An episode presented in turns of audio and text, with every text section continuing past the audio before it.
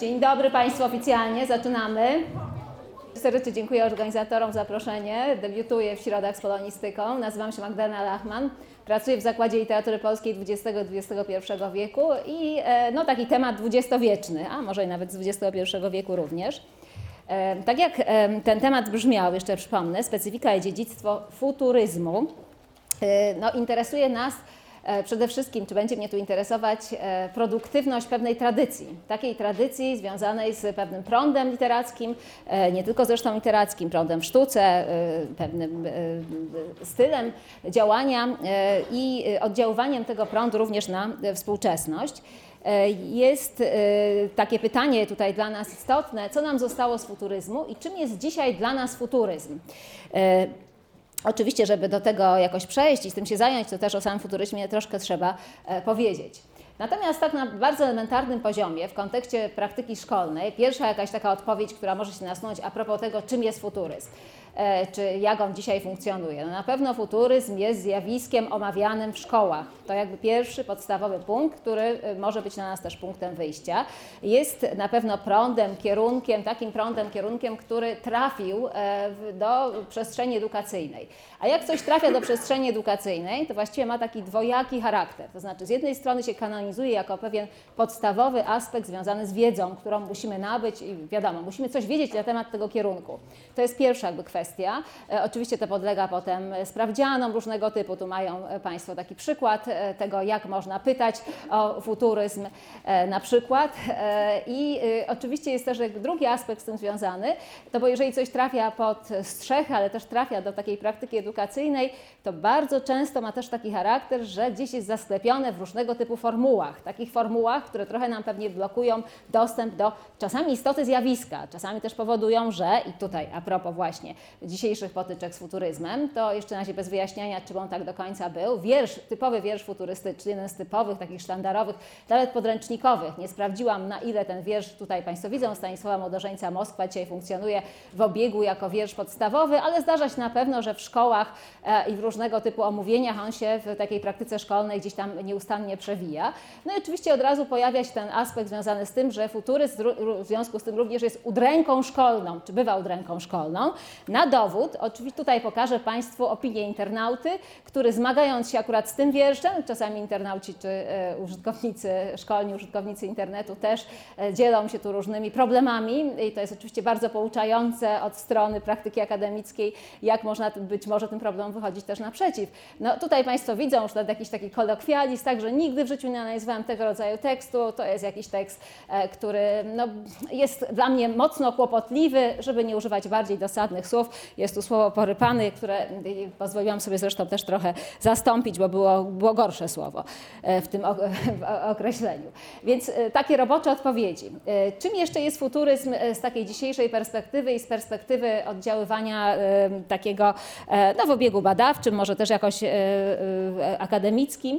To, o czym mówiłam, o tym kanonizowaniu tego zjawiska, świadczy to, że to zjawisko zostało, zmieściło się w takiej bardzo prestiżowej serii polonistycznej. Ta seria e, to jest seria Biblioteki Narodowej. Na pewno Państwo ją znają, czy jakoś tak chociaż e, minimalnie rozpoznają. To rzeczywiście są takie kanoniczne e, przykłady opracowań różnych zjawisk literackich, które mają to do siebie, że są takimi zjawiskami, które z jednej strony już trochę przynależą do przeszłości, to jest taki wyraźny sygnał, że to na pewno domknięte, no a i w związku z tym dają się oczywiście jakoś dobrze omawiać.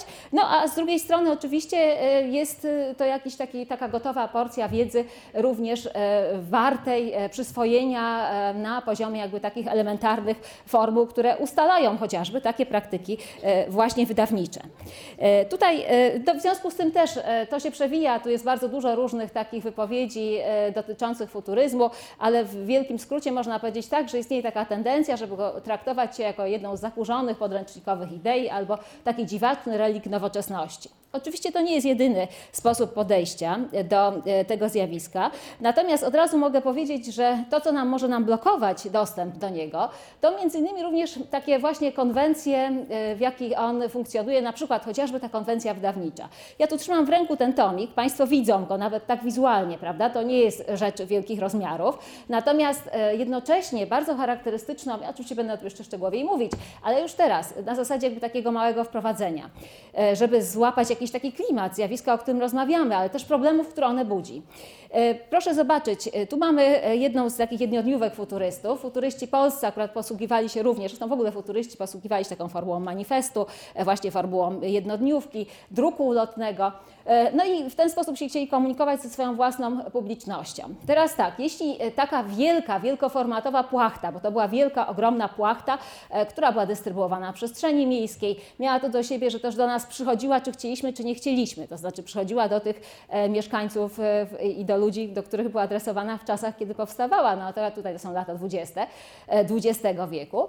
I czy chcieli, czy nie chcieli, mogli na nią natrafić. To nie jest tak, że jej specjalnie poszukiwali, ale gdzieś ją znajdowali w jakiejś przestrzeni. Ona mogła, nie wiem, pojawić się gdzieś nieoczekiwanie na ulicy, mogła być kolportowana tak jakimś prywatnym kanałem e, komunikacyjnym. Ważne jest to, że ona jest wielkich rozmiarów, więc trudno ją przeoczyć. No i ma jakąś taką swoją wagę również materialną, która jest jakoś istotna. Tu Państwo widzą, może skan nie jest najlepszy, ale mniej więcej daje to wyobrażenie, jak e, e, funkcjonowała w ogóle komunikacja taka na elementarnym poziomie. Bo jak to coś takiego oglądamy, a potem mamy to na przykład w podręczniku szkolnym, to też się oczywiście zdarza, gdzie Generalnie tego rodzaju manifesty albo właśnie utwory, które były pierwotnie dystrybuowane właśnie w taki sposób, intencjonalnie miały być właśnie e, tak e, tam pokazywane, znajdują się na przykład w takim malutkim formacie, wyabstrahowane w ogóle z kontekstu, bo tu akurat manifesty są zrobione w ten sposób, że tak jak przewracamy karteczkę z daleka, Państwo tutaj po prostu to zobaczą. Powinna przygotować skan, żeby to było czytelne, ale myślę, że wiadomo o co chodzi. Po prostu są wtłoczone w ten konkretny format,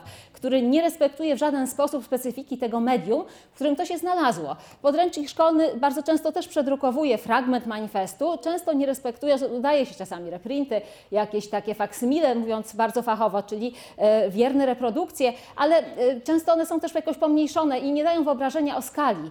E, i, a, jednak ta skala wydaje się tutaj no, bardzo kluczowa z perspektywy właśnie możliwości komunikacyjnych. Tutaj wiele ró- różnych innych rzeczy jest jakoś też ciekawych. No, z perspektywy nawet takiej, takiej kwestii mówiąc fachowo, taktylności, czyli dotykowości. To były wielkie płachty, które się niszczyły, były ulotne, przechodziły z rąk do rąk, były zaczytywane, były mazane przez kogoś, nie wiem, owijano sobie coś tam w nie, czy nie przywiązywano do nich wagi. To była taka ulotność tego, tej, tego rodzaju formuły, nagle jak się nam kanonizuje jako taka tradycyjna porcja wiedzy e, typowo e, e, szkolnej, ale też z drugiej strony takiej typowej właśnie związanej ze z tradycyjnym sposobem wydawania utworów literackich w książkach, to nagle znika nam pewna specyfika. I często znikając powoduje, że też tworzą się bariery e, komunikacyjne. To nie dotyczy tylko i wyłącznie takiego obiegu literaturoznawczego czy podręcznikowego. Proszę zobaczyć, na przykład w obiegu muzealnym te wielkie płachty funkcjonują, to jest wielki problem dzisiaj z nimi, bo są bardzo cenne rzeczy, bardzo unikatowe, e, rzadko, e, często jakoś dzisiaj też dostępne.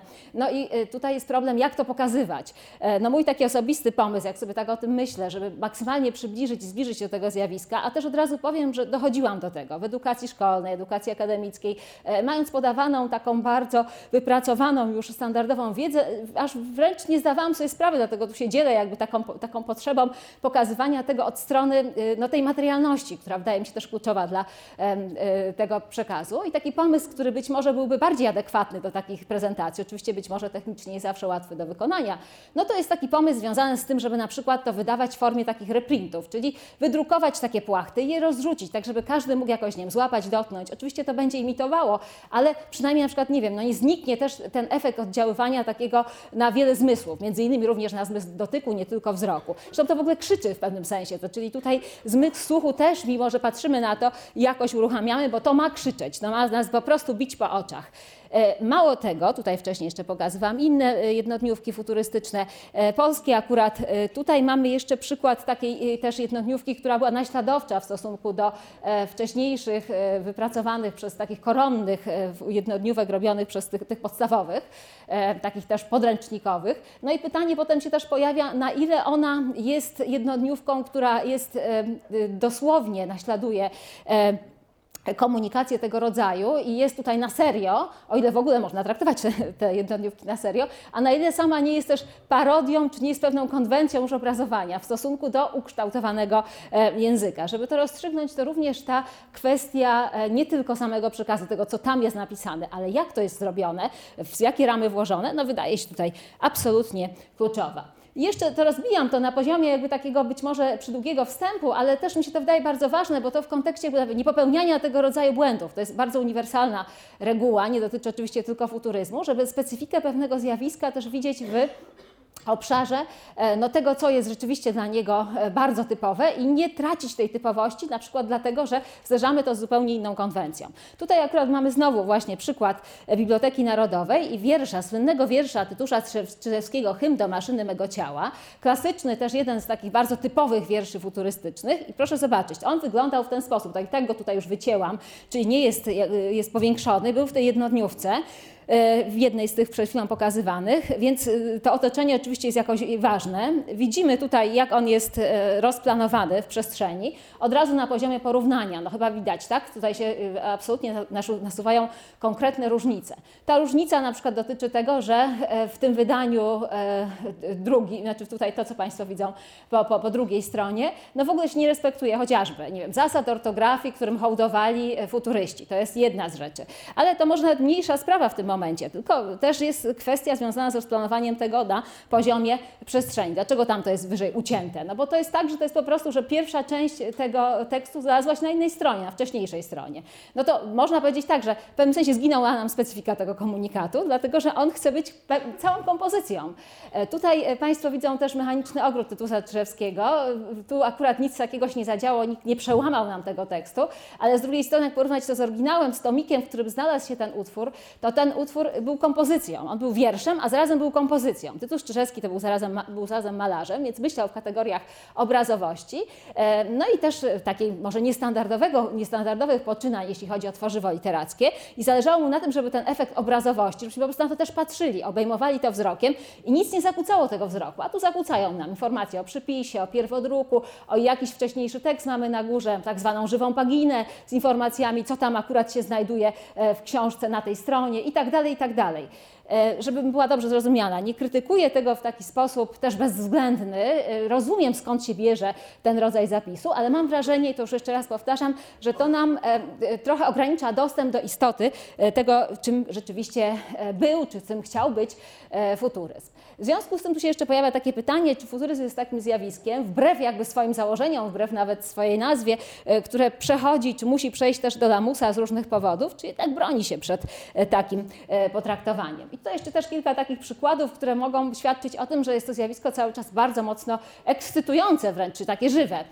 Aczkolwiek też pewnych paradoksów. Futuryści, będzie jeszcze o tym też mowa, głosili takie bardzo buńczuczne postulaty. Jeden z nich to między innymi takim, że zatopić muzea w różnych wariantach, spalić biblioteki, czasami to odwrotnie też, spalić różnego typu instytucje, zniszczyć po prostu wszystko, co kojarzy nam się z przeszłością, z pamięcią kultury, a muzea są takimi instytucjami. Co ciekawe, sam futuryzm do muzeów trafił. Tutaj mają Państwo przykład bardzo dobry y, no, żywości, oddziaływania, nowa wystawa, która cały czas jeszcze trwa. Można sobie pojechać do Włoch i w, w Pizie obejrzeć wystawę poświęconą futuryzmowi, taką wystawę, która też coś nam chce powiedzieć na e, temat tego zjawiska. Aczkolwiek doproblematyzuje też e, taką paradoksalność e, związaną z tym, że e, trafiam do, do, muzeum, czy do takiej instytucji, z którą pozornie walczył bardzo mocno, e, walczyli futuryści. Są różnego typu konferencje, które poświęcone są temu zjawisku. To już tylko jako przykład podaję, e, bo te, też Państwo to widzą. Różnego typu spotkania. Dlaczego w ogóle zwracam na to uwagę? Bo to pokazuje, że chcemy się tym zajmować, chcemy to oswajać badawczo, że są chętni również, żeby, czy jakieś założenie oczywiście przez organizatorów, ale frekwencja na tego typu spotkaniach pokazuje, że rzeczywiście rzeczywiście to się potwierdza. E, są osoby, które chętnie na to przyjdą, a organizatorzy też zakładają, że rozmowa o futuryzmie może być bardzo atrakcyjna. Skądinąd przykład z naszego łódzkiego podwórka 7 lutego, czyli za dwa dni e, w Szkole Języka Włoskiego na Placu Dąbrowskiego 1 będzie też spotkanie poświęcone futuryzmowi. Takie spotkanie, w którym będzie mowa o tym, że futuryści chcieli, czy, czy, i będzie sprawdzane, będzie sprawdzane przez prelegentkę, czy rzeczywiście chcieli zabić światło księżyca, złożyć biblioteki, akademię, czy uwolnić nasz język od wszelkich reguł, a na końcu podpalić świat, żeby na jego zgliszczach stworzyć nową przyszłość. E, I czy to prawda, że tak naprawdę również przywiązywali dużą e, e, wagę na przykład do wywoływania skandali, wymyślania osobliwych przepisów kulinarnych, czy raczenia się biter Campari. E, no i wśród takich przykładów pokazujących, że cały czas jesteśmy jakoś bardzo mocno e, w kręgu oddziaływania futuryzmu i potrzeby zmagań z nim, no mogą być takie realizacje teatralne czy różnego typu instalacje, tak jak ta e, realizacja Nóż w brzuchu. Państwo widzieli już do czego nawiązuje Nóż w brzuchu. Tuż w brzuchu to ta wielka, ogromna jednodniówka, tak właśnie zapisana. Tak i tu przykład realizacji Teatru Odwróconego z 2018 roku, krakowska inicjatywa reżyserii Szymona Budzyka, która ma też zmierzać do zastanawiania się nad tym zjawiskiem od strony e, no, też wprowadzania go w taki współczesny obieg, ale też mówienia o nim czegoś, e, co by bardzo gruntowało czy, czy pokazywało jego specyfikę. E, z rzeczy jeszcze dotyczących też powiedzmy zainteresowania futuryzmem warto odnotować taki stały przyrost publikacji. Akurat tutaj na gruncie polskim pokazuję Państwu publikacje, które ukazywały się e, w języku polskim w XXI wieku. Ta ostatnia, czyli e, książka Pawła Grafa Automobil w pędzie, to jest książka, która ukazała się rok temu, dwa lata temu, w 2018 roku. A tu mamy Marinetti i Futuryzm w Polsce, Przemysława Strożka z 2012 roku i książka Tomasza Kireńczyka też o futuryzmie, która ukazała się w 2000 2008 roku. No całkiem świeże rzeczy. Są też wyspecjalizowani badacze, do nich należy na przykład Krzysztof Jaworski, który systematycznie pracę na temat futuryzmu albo e, jego przedstawicieli nam publikuje. Tu taka jego książka o, e, z tytułem Dandy, słowo Brunonie Jasińskim, czyli właśnie o przedstawicieli polskiej, polskich futurystów. Albo mamy tutaj też wykonaną przez Jaworskiego kronikę polskiego futuryzmu. To są całkiem jakby świeże rzeczy z drugiej dekady, większości z drugiej dekady XXI wieku. Mało tego, mamy na przykład prace, które też są cały czas wznawiane. Na przykład mamy wznowienie książki, która ukazała się w 2008 roku, w 2017 e, pojawia się jej druga edycja wskazująca na to, że istnieje jakaś potrzeba również wśród czytelników e, takie założenie e, związane z tym, że kontakt z tym zjawiskiem jest rzeczywiście tutaj jakoś e, e, wskazany. Jeszcze mówiłam o takich ekscytujących aspektach związanych dzisiaj z funkcjonowaniem futuryzmu i takie całkiem, no, coś co bardzo zelektryzowało, ale też historyków literatury XX i XXI wieku no, wręcz postawiło w stan w ogóle wielkiej euforii. To tutaj taka rzecz związana z tym, że udało się odnaleźć podobno pierwszym. Nie wiem, kiedyś to uchodziło za manifest, teraz myśli się bardziej w kategoriach tego, że może to jest jakiś poemat, wiersz wolny. E, w każdym razie udało się odnaleźć taką karteczkę. E, ta karteczka to jest słynne tak Anatola Sterna, Aleksandra Wata. E, no, wieści o tym, że się udało odnaleźć w archiwum Przemysław Strożek, zajmujący się futuryzmem szczęśliwie w drezdeńskim bodaj archiwum, właśnie kolekcjonera druków awangardowych, znalazł tą malutką karteczkę. W 2019 roku w takim ważnym piśmie i teatroznawczym teksty drugie ukazał się artykuł Beaty Śniecikowskiej, która dokładnie omawia, ale też w duchu właśnie fanfary, proszę Państwa. Tak? Udało się odnaleźć coś, co wydawało się ulotne, raz na zawsze gdzieś tam przepadło i co do którego też istniały różne legendy. Te legendy dotyczą chociażby tego, czy to jest odezwa, ulotka, czy manifest, czy właśnie może wiersz wolny, jaki to miało kolor, czy to było tęczowe, jak zapamiętał Wat, czy może jednak teraz to jest takie zielonkawe podobno, czy to wcześniej mogło być niebieskie, tylko zmienił się kolor papieru. E, w jaki sposób to w ogóle funkcjonowało? Czy oni dobrze dobrze zapamiętali, co tak naprawdę wyprodukowali i jak to zmienia na przykład nasze postrzeganie futuryzmu. Tutaj bardzo roboczo można powiedzieć tak, że być może można będzie odkłamywać taką tezę o takim bardzo plagiatowym charakterze różnych przełomów awangardowych w Polsce, gdzie my ściągaliśmy również techniki działania czy jakieś pomysły, które wcześniej zamawiały się na przykład w kulturze europejskiej. Więc tutaj mamy przykład e, też, no, ale generalnie pokazuje to ze względu na jakąś wielką ekscytację, który ten, e, to wydarzenie wzbudziło. E, I jak się przegląda również różne materiały dotyczące futuryzmu, takie nawet czasami bardzo popularno-naukowe, to rzeczywiście taka dawka energii, która bije z opisów tego zjawiska jest rzeczywiście tutaj bardzo charakterystyczna. Kończąc ten przegląd, proszę zobaczyć, jeszcze tutaj też nawet się sama zdziwiłam, że istnieje taka forma już też pójścia w kierunku pewnej gadżetomanii, ale e, no to jest tak znaczące, że jest też koszulka na przykład z nożem w brzuchu, wyprodukowana przez firmę Pan tu nie stał, e, no, która w dystrybucji tej firmy przez jakiś czas się znajdowała. A tu co ciekawa, ciekawostka, w 2018 roku na Facebooku literat, e, internauta, młody internauta pytał, czy ta koszulka jest jeszcze dostępna. Uzyskał odpowiedź, że nie, że już nie jest dostępna, no z tego, że ta koszulina nie jest już tu dostępna, tak jak zostało to podane, można wyciągnąć wniosek, że albo właśnie no, uznaje się, że nie ma na nią w tym momencie zapotrzebowania, albo wręcz przeciwnie, że jest to jakaś taka limitowana też edycja. Natomiast bez problemu fani futuryzmu e, znajdą sobie tego rodzaju e, zastępniki. Tu mają Państwo skarpetki albo właśnie e, też chociażby właśnie koszulki, które do futuryzmu się jako żywo odnoszą. Tu jeszcze ciekawostka, jeszcze właśnie ciekawostka, myślałam, że nie zostawiłam tego w materiale, ale studentka, moja studentka w pracy zaliczeniowej, teraz przysłanej dwa czy trzy, cztery dni temu, e, nawet pokusiła się, ta praca zaliczeniowa dotyczyła pewnego projektu popularyzatorskiego, po, e, ale nie była w żaden sposób kierunkowana na futuryzm, ani w żaden sposób też nie była wysterowana przeze mnie zajęciowo. To jest po prostu zwykła zbieżność. Akurat się ucieszyłam w kontekście naszego wykładu. Myślę, że nawet nie wiedziała o tym, że ja mam też przygotować taki wykład tutaj dla Państwa, więc żadnej korelacji nie ma. Natomiast e, ciekawa rzecz wygląda, rzecz wygląda w ten sposób, że mm, jej pomysłem na popularyzację literatury jest wyprodukowanie różnego typu ga- gadżetów, które według niej właśnie można by tutaj przeozdobić e, elementami czy fragmentami utworów, czy e, na przykład obrazów futurystycznych, dlatego że to jest jakieś takie nośne. I tu komentarz też taki, no widzą Państwo, co akurat wybrała, na przykład właśnie Zbójnika Tytusa Czyżewskiego, czy wiersz Poznanie, e, też Tytusa e, Czyżewskiego, czy e, Brunona Jasińskiego i jego słynny fragment, oczywiście But w butonierce. Są takie też książkowe, e, podręcznikowe elementy, więc e, E, No pewnie rzeczy, jeśli nawet w tej chwili jeszcze nie znane czy nie oswojone e, w szkole, to pewnie już za moment też się będą jakoś e, pojawiać. W każdym razie w programie na pewno e, część tych rzeczy e, też jest i funkcjonuje. I tutaj tylko komentarz mogę powiedzieć taki, e, tu jeszcze mamy piórnik, tak, na przykład teczkę oczywiście, e, że e, tu jest pełna adekwatność. To znaczy tak, na pewno by się, mówiąc w skrócie, futuryści nie obrazili, jeśli chodzi o taką e, kwestię dystrybucji. Zgodziliby się na możliwość e, wykonywania tego rodzaju e, gadżetów. No więc teraz pytanie takie kluczowe dla nas w tej perspektywie. Czy fu- futuryzm jest przebrzmiałą ideą, bo e, takie pojęcie i takie odniesienia do futuryzmu z różnych powodów też w przestrzeni naszej funkcjonują, czy jednak nośnym dziedzictwem? Czy da się jakby te rzeczy jakoś pogodzić? Można jeszcze to sformułować inaczej, no może bardziej fachowo od strony tego, że y, futuryści y, to był też taki kierunek, który do skrajności doprowadzał bardzo dużo różnych rzeczy. Między innymi do skrajności doprowadzali futuryści eksperyment językowy. Zajmowali się taką literaturą, która była literaturą zupełnie, no, bym powiedziała, alogiczną, ale tak naprawdę w ogóle też asemantyczną, czyli taką bezznaczeniową.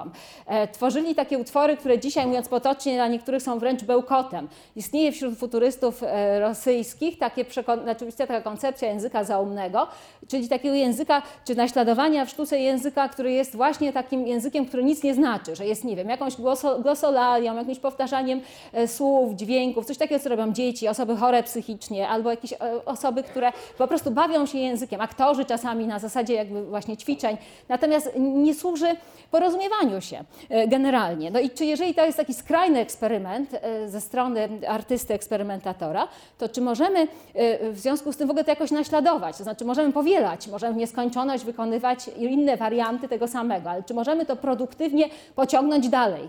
Czy jest w ogóle możliwość artystyczna? Czy oni jakby sami się nie zablokowali w punkcie wyjścia? No i właśnie to pytanie o produktywność postaw. I ewentualnie, jeżeli produktywność, to gdzie jej poszukać?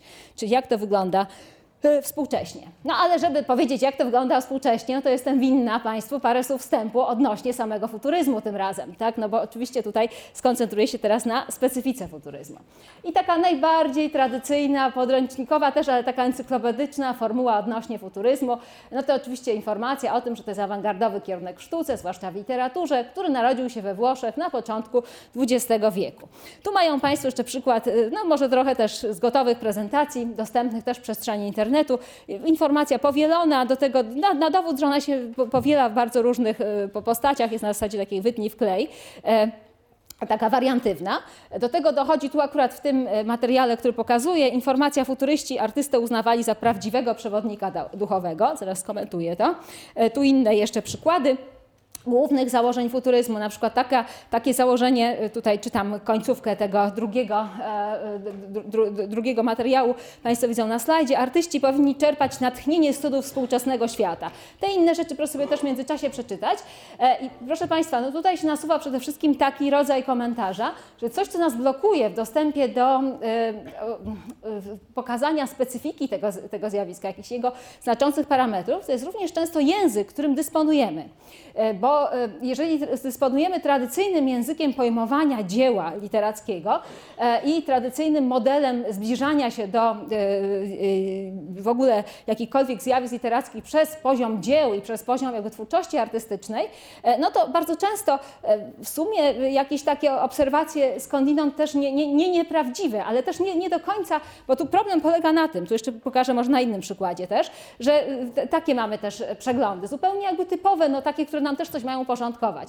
E, Jeśli zajmujemy się futuryzmem w Polsce, no to na zasadzie zwykłego powtórzenia informacje związane z tym, że w skład grupy Warta- warszawskiej, ponieważ futuryzm w Polsce miał dwie, dwie odmiany, od miast, w których działali futuryści, czyli warszawską i krakowską, e, w skład grupy warszawskiej wchodził przywoływany tutaj Anatol Stern, Aleksander Watt, a w skład grupy krakowskiej Tytus Czyżewski, Bruno Jasiński, Stanisław Młodożeniec i program fu- y, tychże futurystów, y, no to wiara w przyszłość, pogarda dla przeszłości, dla mitów narodowych, fascynacja cywilizacją, osiągnięciami nauki, niechęć do tradycyjnych tematów, no i oczywiście też eksperymenty formalne, na przykład odrzucenie ortografii, to było już widoczne, czy hasło słów, słowa na wolności, czyli takie słowa, które mają być uwolnione z logiki, składni, y, z w ogóle wszelkich sensów, bardziej waży ich e, kwestia materialna, czyli to jak wyglądają, na przykład jak są zapisane i jaki mają, jaki materiał dźwiękowy w nich tkwi, jaki rodzaj dźwięków na przykład nas bije po uszach, jeżeli jakieś konkretne słowa gdzieś zestawiamy. Wszystko słuszne informacje, e, no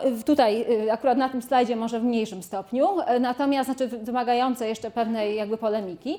Natomiast co jest tam problemem według mnie? Pewna hierarchizacja informacji, pewna rama, która tam jakoś, no nie, nie istnieje nawet na poziomie jakby takiego wstępnego założenia E, i być może właśnie to też jest kwestia związana z tym, że no się tam zasklepia w jakąś taką formułę, e, która no wydaje mi się formułą jednak nie do końca pokazująca e, no, rewolucyjność czy specyfikę tego zjawiska, co zaraz będę tu chciała jeszcze też no, oczywiście temu poświęcać troszkę miejsca. Proszę Państwa, jeśli chodzi jeszcze o założenia futuryzmu, tutaj akurat na tym slajdzie, no ta informacja, że na przykład, no, już nie będziemy wszystkich tutaj rzeczy rozstrzygać, ale no powiedzmy ta druga kwestia.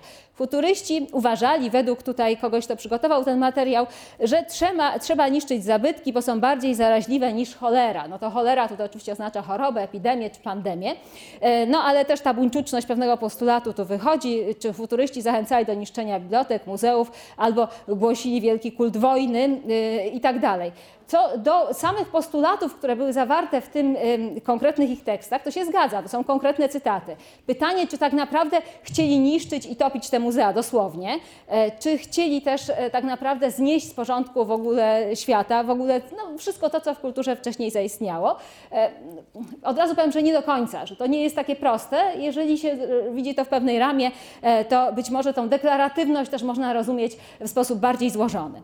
Tutaj jest jeszcze, proszę Państwa, kwestia inna, na przykład odrzucenie zasad ortografii. Widzieli Państwo ten zapis nóż w brzuchu. Rzeczywiście to, nie to jest, oczywiście nie polecam, żeby zapamiętać w ogóle, jak to wyglądało, jeśli chodzi o wzorzec do e, na przykład sprawdzianu z ortografii, bo rzeczywiście ortografii to nie przestrzega, ale tu jest dobry przykład pokazujący też taki trochę rodzaj nieporozumień. To nie jest tak, że oni odrzucali zasady ortografii i wprowadzali kompletną anarchię. Nóż w brzuchu, tam było ży z kropeczką. E, też, które tutaj e, więc jakby zostaje, tak? Jakby nie, nie, nikt nie zrobił z tego szy. E, Tam chodziło o kwestię fonetyki, to znaczy, żeby skupić się, żeby ortografia była według zasad, tylko nie tych zasad uciążliwych, które mamy, e, które są często umowne, są jakąś taką przeszłością historyczną, tylko na przykład, żeby się skupić dokładnie na tym, jak wymawiamy konkretne słowa. W tym sensie to samo słowo można zapisać na różne sposoby, w zależności od tego, jaką, jaki ma potencjał dźwiękowy. Więc w gruncie rzeczy tu jest jakaś reguła, tylko jest kwestia jakby odkrycia czy e, przebicia się do niej.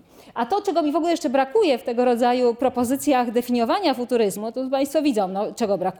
Emocji brakuje, jakiegoś takiego kontaktu jakby stricte emocjonalnego, pokazującego futuryzm jako zjawisko bardzo żywiołowe, spektakularnie wido, wido, spektakularne, widoczne, buńczuczne, takie z wielkim tupetem, z jakimś programowym optymizmem, z entuzjazmem młodości, z witalnością, no, oczywiście też tak jak tu zostało zapisane, spektakularnością, e, taką deklaratywnością, e, która idzie w kierunku manifestacyjności, ale też e, w takim, takiej, takiego poczucia e, właśnie związanego z tym, że e, wielka wiara biła z tych propozycji zmienianie świata właśnie mocą samostanowienia. To jest też ciekawa rzecz, że jak dzisiaj czytamy na przykład na zajęciach teksty futurystyczne, i to szkolnych, i takich akademickich, tam są pewne stwierdzenia. I często te stwierdzenia mają charakter taki, że Państwo biorą je dzisiaj za dobrą monetę, mówią, że to opisywało rzeczywistość. Bardzo wiele rzeczy, które oni tam formułowali, nie opisywało wtedy rzeczywistości, tylko było stwierdzaniem tego, co może dopiero nadejść, tylko że ponieważ to było stwierdzanie w czasie teraźniejszym, to odnieśliśmy czasami wrażenie, że, czy dzisiaj odnosimy, ponieważ zieściły się pewne postulaty, że rzeczywiście to jest e, opis e, stanu zastanego. Jeśli chodzi z kolei o takie globalne, czy takie całościowe ujęcie futuryzmu, to można powiedzieć tak, że ograniczanie się do tego, że to jest technika literacka czy szkoła malarska, na pewno nic nam nie powie też o jego specyfice. Tutaj nie, nie, nie, wyróżni tego na tle zupełnie innych zjawisk. Na pewno można oczywiście mówić o tym, że futuryzm był ruchem artystycznym, ale nie ma przekłamania w tym, jeśli powiemy, że był ideologią, radykalną wizją przemiany świata, e, czy w ogóle światopoglądem, tak jak zostało to tutaj też pokazane. Był pewną postawą, był projektem, mówiąc fachowo, antropologicznym, takim projektem nowej wizji człowieka, który staje w obliczu unowocześnionego i szybko zmieniającego się świata. E, był e, swoistym wzorcem komunikacyjnym, takim wzorcem w ogóle zachowań w sztuce, ukształtowanym przez właśnie jakby ten typ pomysłu na istnienie w świecie sztuki, taką filozofią działania. To pojęcie działania tu będzie jeszcze w różnych wariantach powracać. Samo słowo futuryzm pochodzi od łacińskiego przymiotnika futurus, czyli przyszły. Oczywiście wychylenie ku przyszłości i patrzenie w przyszłość. Od razu to też determinuje charakter tego zjawiska, w tym sensie, że nawet jeśli pewne idee już są szczegółowe idee, przebrzmiałe, to tak i tak futuryści mają szansę istnieć jako taka ważna implementacja kultury, w tym sensie, że wszystkie kolejne zjawiska, które będą patrzeć w przyszłość, też mogą być w szerokim tego słowa znaczeniu nazywane czy podciągane pod właśnie szyld futurystyczny. Futuryst tak mocno patrzący w przyszłość też obfitował w bardzo różne paradoksy. Jeden z, z tych paradoksów polega na tym, że powstał w kraju, który był bardzo e, rozmiłowany w tradycji i w przeszłości, w kraju obfitym muzea i właśnie, czyli we Włoszech. E, tutaj widzą Państwo też e, zdjęcie czołowego teoretyka, ale też założyciela futuryzmu. Pojęcie założyciela jest tu jako żywo bardzo pasuje i to jest postać, o której tutaj będę jeszcze troszkę mówić i warto zapamiętać to nazwisko, bo rzeczywiście w skali w ogóle różnych działań, e, aczkolwiek to jest też charakterystyczne, że mówi bardziej o futuryzmie jako pewnym zjawisku, niż nawet o poszczególnych jego przedstawicielach. No ale e, oddamy jemy sprawiedliwość Filipowi Tomasowi Marnettiemu, bo o nim tu mowa, który był Włochem, urodził się poza, Wło e, znaczy po, poza tym krajem swoim ojczystym, mieszkał długo w Egipcie, miał takie trochę spojrzenie z zewnątrz na ów kraj i to na pewno też mu pomagało trochę w realizacji różnego typu idei. I teraz taka e, chronologia, szczegółowa nawet, ale dosyć potrzebna, żeby też sobie pokazać e, tą specyfikę. To znaczy, ja oczywiście tutaj wybieram pewne ścieżki dostępu, mam świadomość, że też o wielu rzeczach nie jestem w stanie powiedzieć, ale e, w pewnym sensie ten wybór też niech będzie jakąś propozycją na widzenie tego zjawiska. Otóż w takim też sztandarowym i bardzo często pokazywanym w różnego typu źródłach, w różnego typu źródłach ujęciach właśnie nie może zabraknąć informacji, że futuryzm w zasadzie narodził się, bardzo często jest mowa o tym, 20 lutego, to jest bardzo precyzyjna data, 1909 roku we francuskim dzienniku Le Figaro, kiedy ukazał się wielki akt założycielski, manifest futuryzmu. E, to on powstał na początku we włosku, po włosku, ale w Marinetti był też francuskojęzyczny, w związku z czym szybko przetłumaczył sobie ten e, manifest i e, zaprezentował go na łamach bardzo poczytnej gazety, dziennika, właśnie gazety codziennej, francuskiej gazety o dużym zasięgu, na czasy to nawet bardzo dużym, E, właśnie i to jest precyzyjna data, czyli 20 lutego. Tu Państwo widzą też skan tego Le Figaro, tutaj nawet jeszcze o też w takim powiększeniu, to przy okazji potem technika działania przez płachtę gazetową nam tutaj się bardzo e, ciekawie też e, no jakoś uzgadnia. Widzimy też na przybliżeniu o tym, że tu jest takie małe wprowadzenie, a potem dokładnie pokazany ten manifest. I tu będzie oczywiście również pewnego typu jeszcze wprowadzenie i sprostowanie, no bo to jest takie trochę dziwne, z jednej strony precyzyjna data, ale jak to? No narodził się i po prostu się narodził 20 lutego i tak sobie już po prostu był i tak może mógł się narodzić po prostu tylko jednym e, e, zwyczajnym ogłoszeniem w gazecie, no trochę to się wydaje dziwne, tak? No trudno, nie wiem, no możemy dzisiaj próbować coś takiego robić, no ale jak Państwo, nie wiem, nawet pójdą i jutro dadzą nawet płatne ogłoszenie i stwierdzą, że e, ma się narodzić jakikolwiek kierunek z Państwa udziałem, no to nie wiem, czy to jest takie też, e, od razu możemy się zastanowić, czy to, to, to zadziała. Oczywiście e, to już od razu podaję jako takie pytanie, którego tu nie będziemy może rozstrzygać, ale też wydaje mi się ciekawe z, z tym, że nie uważam, żeby to było zupełnie obarczone niepowodzeniem. To może mieć miejsce, natomiast przy pewnych założeniach, być może takich, którym, czy te, przy pewnych metodach, które zastosował wzmacniająco jeszcze właśnie Marinetti. I o nich tu będzie teraz jeszcze troszeczkę mowa.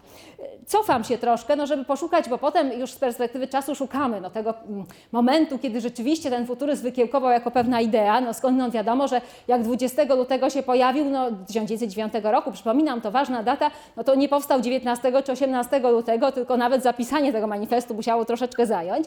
No ale jak nawet zajęło bardzo krótko, e, no to tutaj jeszcze badacze mają potrzebę znalezienia jakichś innych punktów zaczepienia.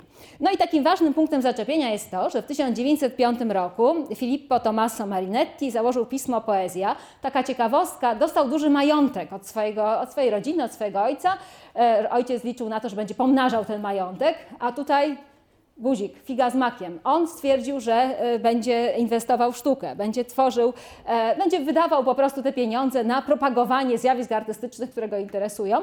Co ciekawe, wtedy jeszcze nie miał sprecyzowanego do końca programu. Natomiast rzeczywiście majątek rodzinny przeznaczył na e, tworzenie pisma poezja. Pisma no było, nie było, chyba niespecjalnie dochodowego. Próbował jakichś działań animacyjnych. Od razu powiem, że to były takie dosyć tradycyjne działania.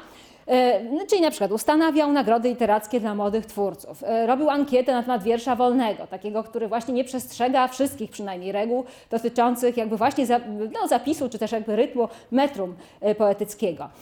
Sam opublikował taki poemat w 1905 roku do automobilu, już niektórzy tam widzą jakie, jakieś pierwociny zawiązywania tych pomysłów, które później sprzedał nam pod nazwą futuryzmu.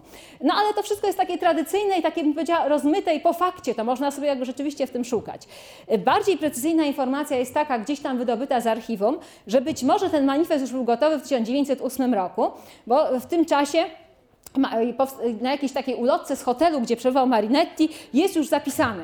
No to oczywiście jest jakiś dowód na to, oczywiście dowód tylko na to, że być może był w tym czasie, może był też troszeczkę e, wcześniej. Pytanie, dlaczego wcześniej y, Marinetti tego e, nie publikował. Tutaj jeszcze e, wagę tego przedsięwzięcia poezja, tu akurat na tym slajdzie Państwo widzą, też potwierdza to, że to jest taki też bardzo, no to nawet z Wikipedii jest materiał, czyli właśnie dotyczący też silnej potrzeby popularyzacji jakby tego zjawiska i też pamiętnienia, że akurat w tym konkretnie domu, który nadal istnieje, właśnie Marinetti założył swoje pismo, poezja, takie dorabianie też mitologii z perspektywy być może również znaczenia czy docenienia tego e, zjawiska właśnie. Tutaj mamy też okładki tych pierwszego numeru i kolejnego, tak to pismo mniej więcej wyglądało. E, Jeszcze może powiem tak, dlaczego on e, nie opublikował tego manifestu w 1908 roku pod koniec, chociaż wydawałoby się, że już miał gdzieś tam przygotowany i był- było to gotowe. No, jedna rzecz dotyczyła, czy być może wcześniej też, tego, że w tym czasie, tu badacze szukają takiej korelacji, może ona jest być też ciekawa, było wielkie trzęsienie ziemi na Sycylii, które bardzo ekscytowało opinię publiczną. Tam było też tsunami w tym czasie, e, więc e, no, rzeczywiście to było wydarzenie o dużej skali, tragiczne wydarzenie. Z jednej strony blokowało no, do, tego, do takiej możliwości nagłaśniania konkretnych idei, no bo tu chodziło pewnie o to, żeby nie być konkurencyjnym wobec tego rodzaju informacji, bo wiadomo, że każda informacja taka, która jest gdzieś tam w zarodku, przegra e, z tą informacją o, o tym trzęsieniu ziemi. Być może też dostarczyła tutaj, e, e, te- ten, ten moment dostarczył też Marinettiemu taki bardzo ważny, ważnego impulsu do pewnych przemyśleń związanych z tym, jak ten kierunek też wprowadzać. Być może właśnie na zasadzie takiego przysłowiowego tsunami, które miał okazję, no nie bezpośrednio, ale zaobserwować też jako e, no, człowiek, który żył w czasach, kiedy to się akurat zdarzyło i kiedy bardzo mocno też poruszyło opinię publiczną. My jesteśmy też świadkami tego rodzaju zjawisk dzisiaj, więc możemy sobie wyobrazić, w jaki sposób też wówczas jakby ludzie na nie reagowali i to na pewno też częścią jakby świadomości epoki. Inna jeszcze rzecz, która być może tutaj jest ważna, a czasami się o niej zapomina, a ja bym przywiązywała jednak do niej, do niej pe pewną wagę. Otóż Marinetti był bardzo wielkim e, miłośnikiem motoryzacji. Tu Państwo widzą go na zdjęciu, jak poruszał się no takim właśnie jeszcze nie samochodem, no automobilem. E, natomiast w 1908 roku miał wypadek, który mógł się zakończyć dla niego bardzo tragicznie. E, gdzieś tam jechał, e, no, roz, e, rozpędzał się wtedy jak na owe czasy, pewnie z jakąś ogromną szybkością Ale żeby sobie uświadomić może skalę, to powiem prawem pewnej ciekawostki, że na przykład, nie wiem, w tym czasie mniej więcej, kilka lat wcześniej, w Paryżu postawiono pomnik takiemu automobiliście, który dokonał absolutnie jakiegoś wyczynu, no wręcz dziejowego, jak wtedy myślano, czyli rozpędził się, tam jechał między Paryżem a jakąś pobliską e, miejscowością i udało mu się rozpędzić do 24 km na godzinę. I to było absolutne wydarzenie do tego stopnia, że postawiono mu pomnik. Bardzo szybko ten pomnik trzeba pewnie było zdeklasować, bo wchodziły kolejne wynalazki, które dawały większą szybkość, możliwość szybszego poruszania się. Być może już e, tego nie sprawdziłam. Marinetti miał możliwość rozpędzania się trochę, e, znaczy, na większą skalę tutaj e, i szybciej jeździć samochodem. W każdym razie wpadł do rowu, próbując ominąć rowerzystów, był bezpośrednio zagrożony, jechał takim samochodem odkrytym, zatapiał się w błocie i w tej wodzie i w ostatniej chwili podobno robotnicy z fabryki pobliskiej udało im się po prostu podtrzymać ten samochód, wyciągnąć i uratować w gruncie rzeczy Marinettiego. Wyszedł tam no, też z jakimiś lekkimi obrażeniami, dało mu to do myślenia. On ma taki słynny postulat, że jazda pędzącym samochodem to jest na, słynne zdanie, czy to nie najsłynniejsze zdanie, które definiuje też nam futuryzm. Jazda pędzącym samochodem jest piękniejsza niż Nikes Samotraki. Nikes Samotraki to jest znany posąg, który jest w Luwrze. Jest oczywiście taką skarbnicą, no, tutaj nas kontaktuje z dziedzictwem przeszłości. Marinetti mówi, mnie ekscytuje dzisiaj, rzeczywiście to nie jest tak, że zginęły przeżycia estetyczne. To nie jest tak, że ja nie mam przeżyć estetycznych, tylko ja już nie mam ich w stosunku do tego, że jak pójdę, do, będę oglądać Monelizę w, e, czy właśnie e, posążki Wenus w muzeum, to nie będę udawał. Ja tu naprawdę, nie, jak to ma mnie zachwycać, skoro nie zachwyca? To jest mniej więcej taki rodzaj e, też myślenia, któremu tutaj on dawał wyraźnie upust, ale można powiedzieć tak, jako praktyk, ta informacja z jego biografii pokazuje nam, że rzeczywiście jest to e, człowiek, który empirycznie pewnych rzeczy doświadczył, które być może mocno wpłynęły na sposób jego działania. Wracamy do kalendarium jeszcze futuryzmu. To jest e, istotne z perspektywy właśnie jakby też nagłaśniania ruchu. Połowa stycznia 1909 roku, przypomnę, chodziło o datę 20 To jest ważne w sensie jakby korelacji pewnej bliskości, no bo nawet jeśli ten manifest był w 1908 roku e, gotowy, to zaistniał w przestrzeni publicznej, właściwie nie ma żadnych innych sygnałów. Być może, nie wiem, jacyś bardzo bliscy znajomi, współpracownicy, ale de facto on ich wtedy też nie miał. Tam często się mówi, że e, redakcja poezji coś zrobiła. To nie była redakcja poezji, tylko jeden człowiek, właśnie Filippo Tommaso Marinetti, działał właściwie sam trochę na własny rachunek, też nie miał chyba do końca też partnerów jeszcze w tych działaniach, które wykonał. Potem się szybko znaleźli, a dopiero po, w momencie, kiedy e, doszło do takiego dużego sukcesu w przyjęciu się tej, e, te, tego manifestu, tej idei, w jego rozpropagowaniu.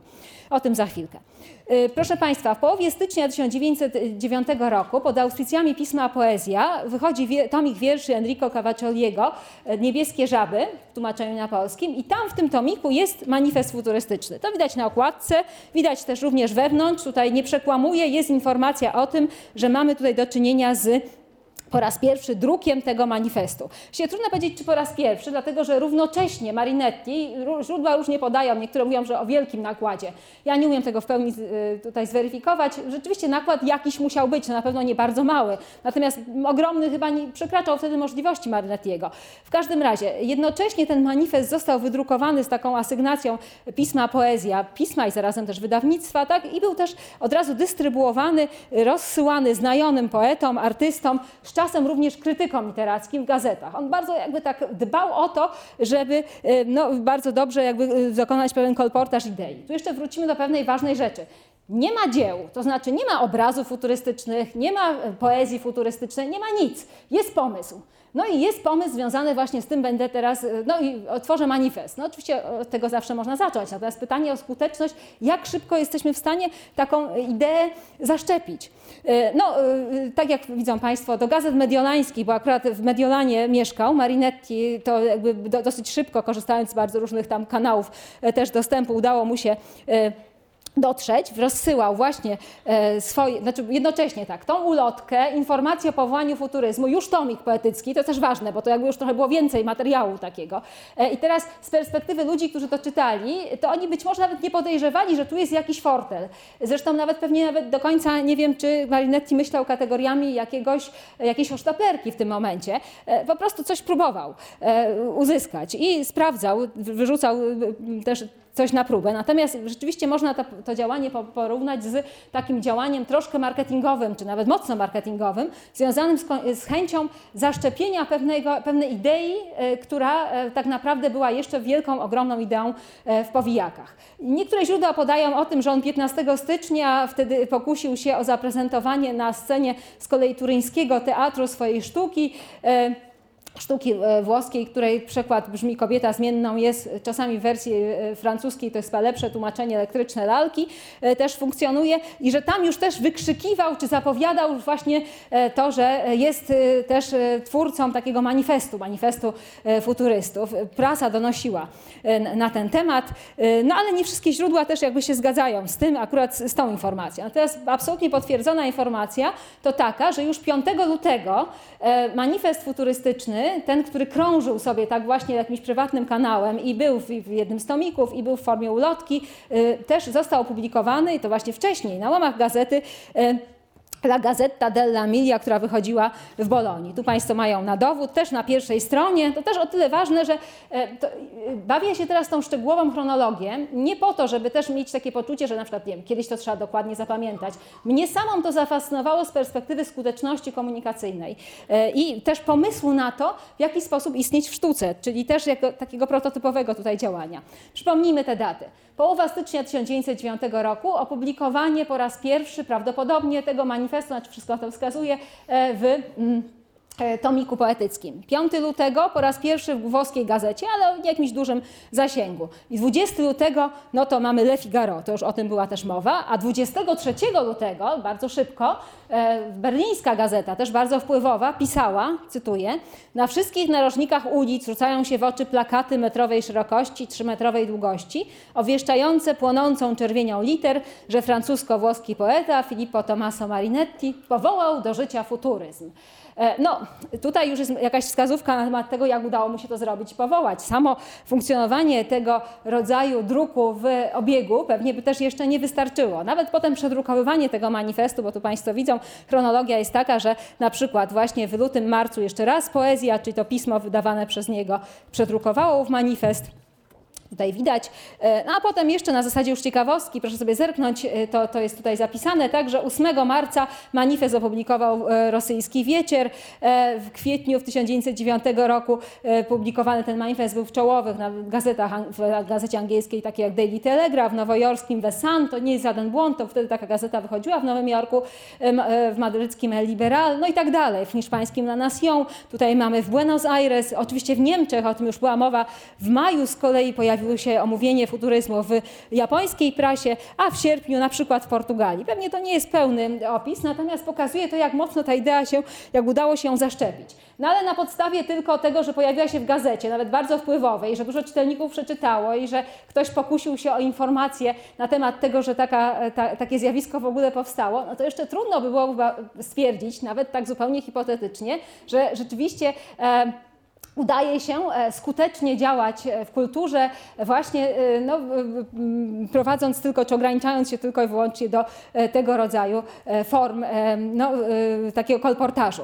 Więc oczywiście tutaj warto wspomnieć o takiej nasilonej akcji, czy ona wręcz wydaje mi się tutaj kluczowa, nagłaśniającej, bo oprócz tego, że te książki wydawnictwa Poezja były rozsyłane do, jako podarunki dla osób z branży literackiej, oprócz tego, że organizowano przeróżne wieczory futurystyczne i plakatowano miasta, pojawiało się, cał, pojawił się cały szereg działań związanych właśnie z e, taką jakby potrzebą wprowadzania owych haseł futurystycznych w obieg, łącznie z takim wykrzykiwaniem ich na ulicach, dosłownie, obwieszczanie narodzin e, tego ruchu, rozsyłaniem zaproszeń do osób wpływowych, opiniotwórczych, ale wywoływaniem też różnego typu burt i e, skandali, no i też jakimiś takimi formami właśnie bardzo niestandardowej komunikacji, która jeżeli gdzieś szukać jej prawidłowości, e, to można szukać właśnie w takiej komunikacji marketingowej. Gdyby dzisiaj ktoś pisał podręcznik reklamy i sięgnął do futuryzmu jako do zjawiska prototypowego, i do sposobu, w jaki udało się wprowadzić ten kierunek w obieg Marinettiemu, ja osobiście bym nie protestowała. Wydaje mi się, że absolutnie e, zgadza się to z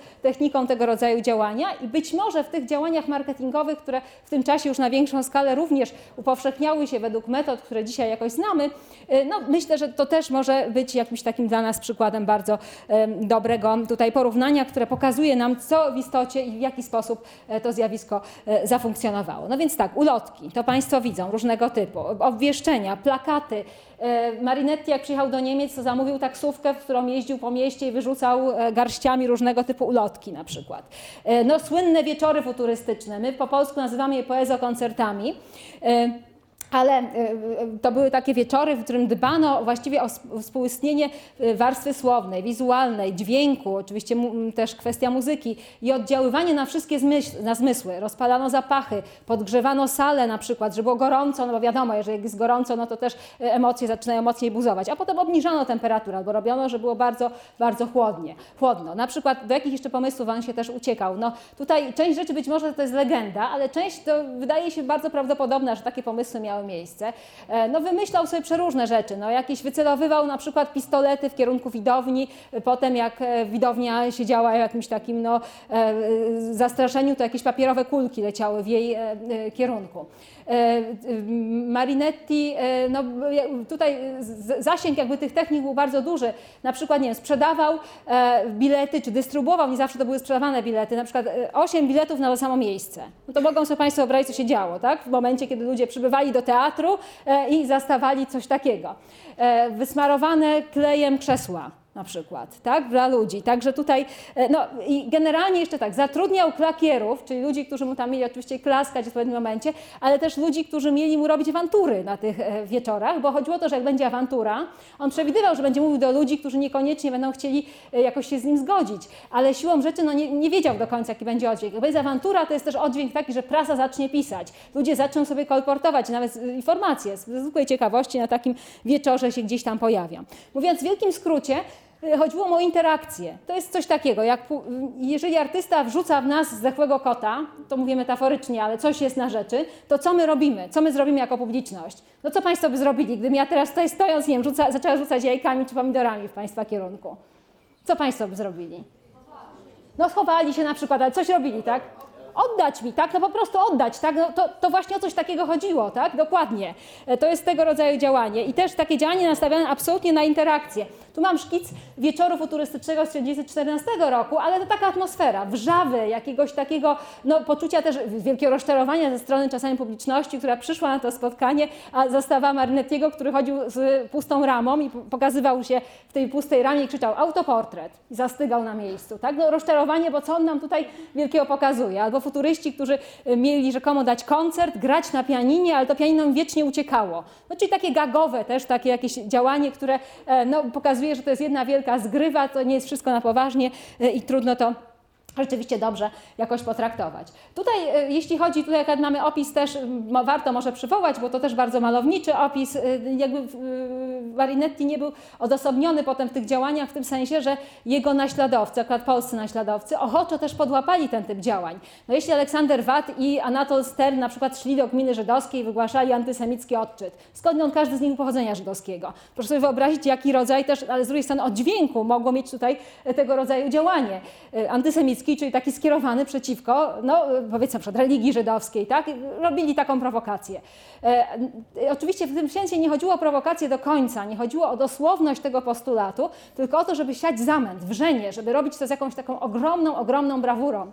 E, Z polskich przykładów, no to Aleksander Watt na przykład e, włożony goły po ulicach Warszawy w taczce przez Anatola Sterna, jako działanie artystyczne, tak? Performance taki po ulicach Warszawy. Albo Anatol Stern, który znalazł się na ulicy Warszawy, w pewnym momencie wziął pistolet, przystawił sobie do e, głowy i rzekomo popełnił samobójstwo. Jak się zrobiło zbiegowisko, no bo siłą rzeczy ludzie przybiegli zobaczyć, co się stało, to nagle zmartwychwstał i z kosza na bieliznę zaczął wyciągać swoje jednodniówki, tomiki i rozrzucał, dystrybuował i zachęcał do e, przyłączenia się do ruchu futurystycznego. To wcale nie było takie proste, ludzie wcale niekoniecznie to przyjmowali z dobrodziejstwem inwentarza, ale zamęt powstawał.